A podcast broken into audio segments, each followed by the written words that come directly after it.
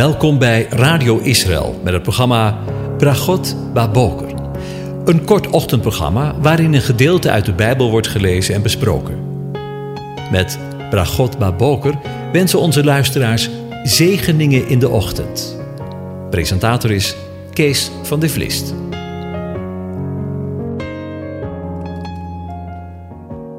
Goedemorgen, Bokatov, beste luisteraars. Vanmorgen denken we weer verder na over Psalm 104.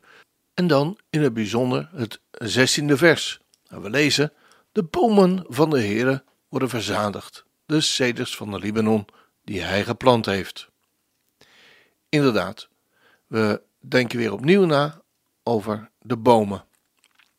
Terugkomend op de vruchtbomen is het opvallend dat zij eigenlijk als een rode draad door de hele menselijke geschiedenis lopen. Zo luidt al meteen het eerste gebod aan de mens. In Genesis 2, vers 16. En de Heere God gebood de mens: Van alle boom van de hof mag u vrij eten, maar van de boom van de kennis van goed en kwaad, daarvan mag u niet eten, want op die dag dat je daarvan eet, zul je zeker sterven.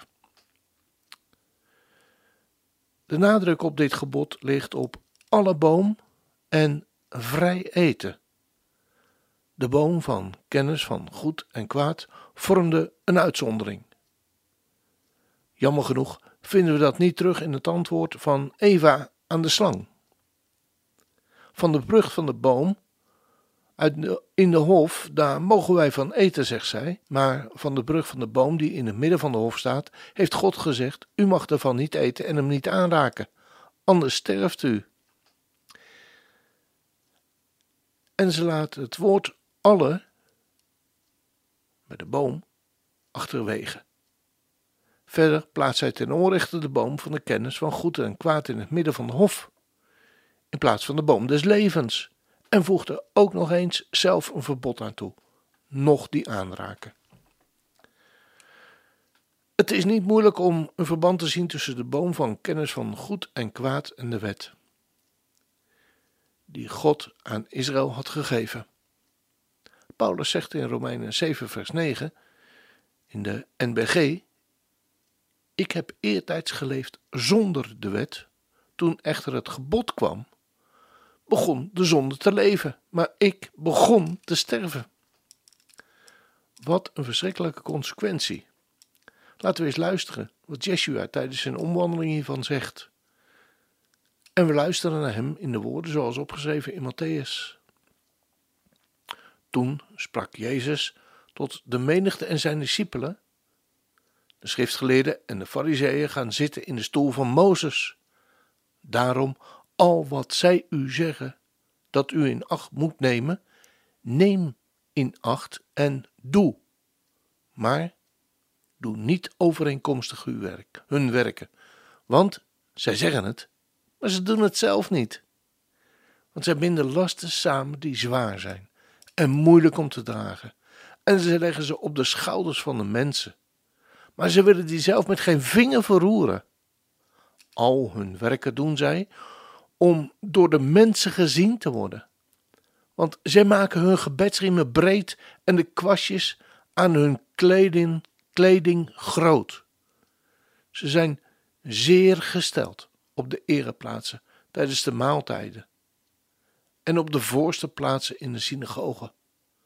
Ze zijn ook belust op de begroetingen op de markt en om door de mensen rabbi, rabbi genoemd te worden. Maar u mag zich geen rabbi laten noemen, want één is uw meester, namelijk Christus, de Messias. En u bent alle broeders. Deze praktijk van de leiders van het volk waren niet nieuw.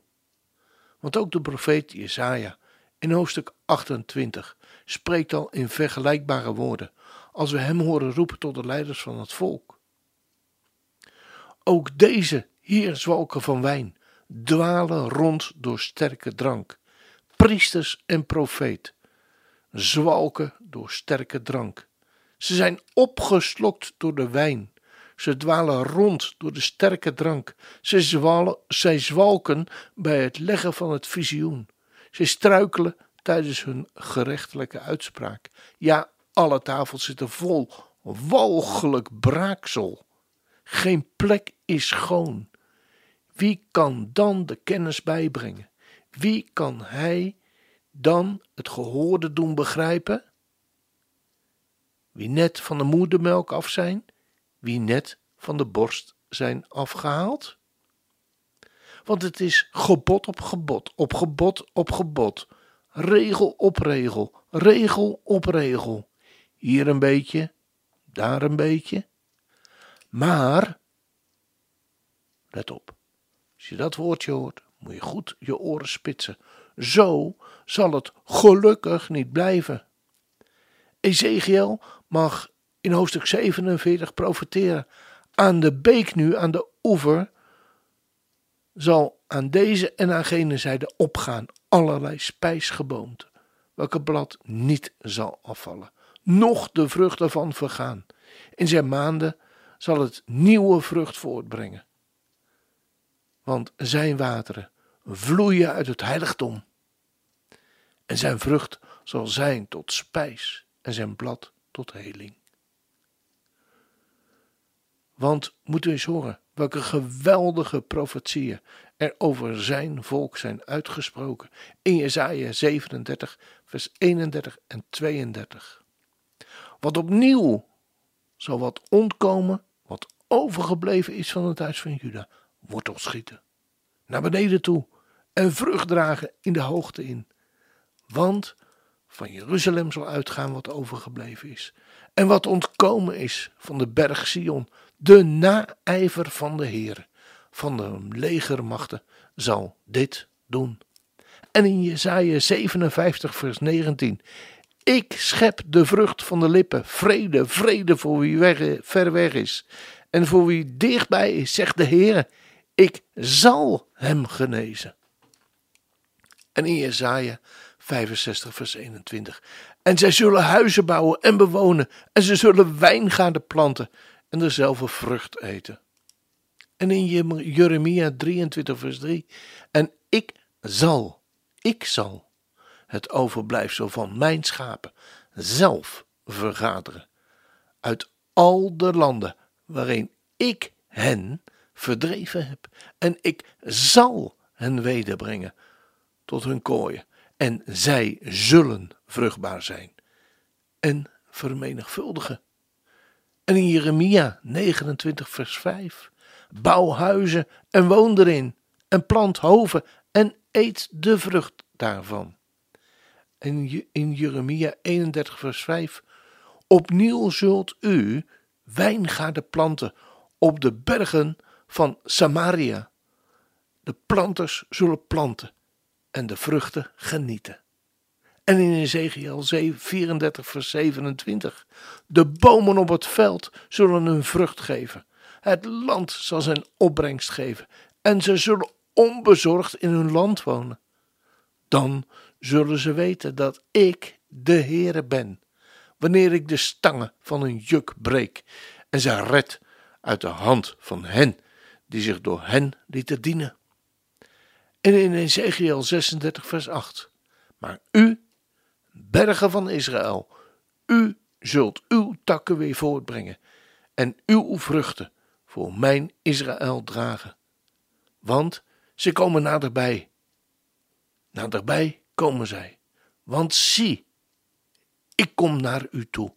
Ik zal mij naar u toewenden. En u zult bewerkt en bezaaid worden. Ik zal de mensen op u talrijk maken, heel het huis van Israël, in zijn geheel. De steden zullen bewoond en de puinhopen zullen herbouwd worden. Ik zal de mens en dier op u talrijk maken. Zij zullen talrijk worden en vruchtbaar zijn. Ik zal u doen bewonen als in uw vroegere tijden. Ja, ik zal u meer goed doen dan in uw begin. Dan zult u weten dat ik de Heere ben. Krachtige taal toch? En geen spel tussen te krijgen. Weet u, we zouden zonder enige moeite nog zo een hele morgen vol kunnen maken met de geweldige belofte die er voor het volk van Israël, niet te verwarren met de kerk van deze dagen, vol kunnen maken. In de volgaande versen lazen we uitsluitend over de vruchten die Israël ten deel zal vallen. Maar die zullen niet uitsluitend voor dit volk zijn. Want, lezen we in Zacharia 8, zo zegt de Heere van de legermachten. Er zullen weer volken komen en inwoners van de steden. De inwoners van de ene stad zullen gaan naar die van de andere en zeggen: Laten we meteen gaan om het aangezicht van de Heere gunstig te stemmen, om de Heere van de legermachten te zoeken. Ik zal ook gaan. Dan zullen ze veel volken komen en machtige heidevolken om de Heere van de legermachten te Jeruzalem te zoeken en om het aangezicht van de Heere gunstig te stemmen. Zo zegt de Heere van de legermachten. In die dagen zal het gebeuren dat tien mannen uit alle talen van de heidevolken vastgrijpen. Ja, de punt van de mantel van een Joodse man zullen vastgrijpen en zeggen: Wij gaan met u mee, want wij hebben gehoord dat God met u is. Als dat geen zegen is.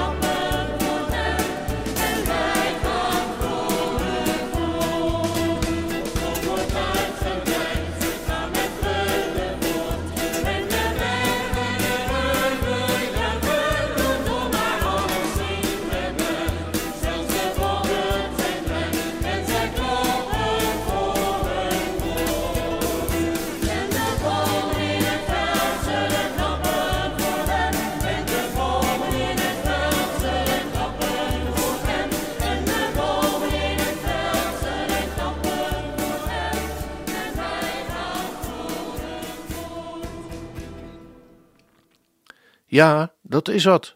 We zullen klappen van hem. En wij gaan vrolijk voort. Ook vandaag. Dat wens ik je in ieder geval toe onder de zegen van de Heere God.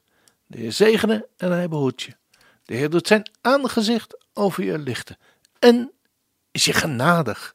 De Heer verheft zijn aangezicht over je en geeft je zijn vrede. Amen.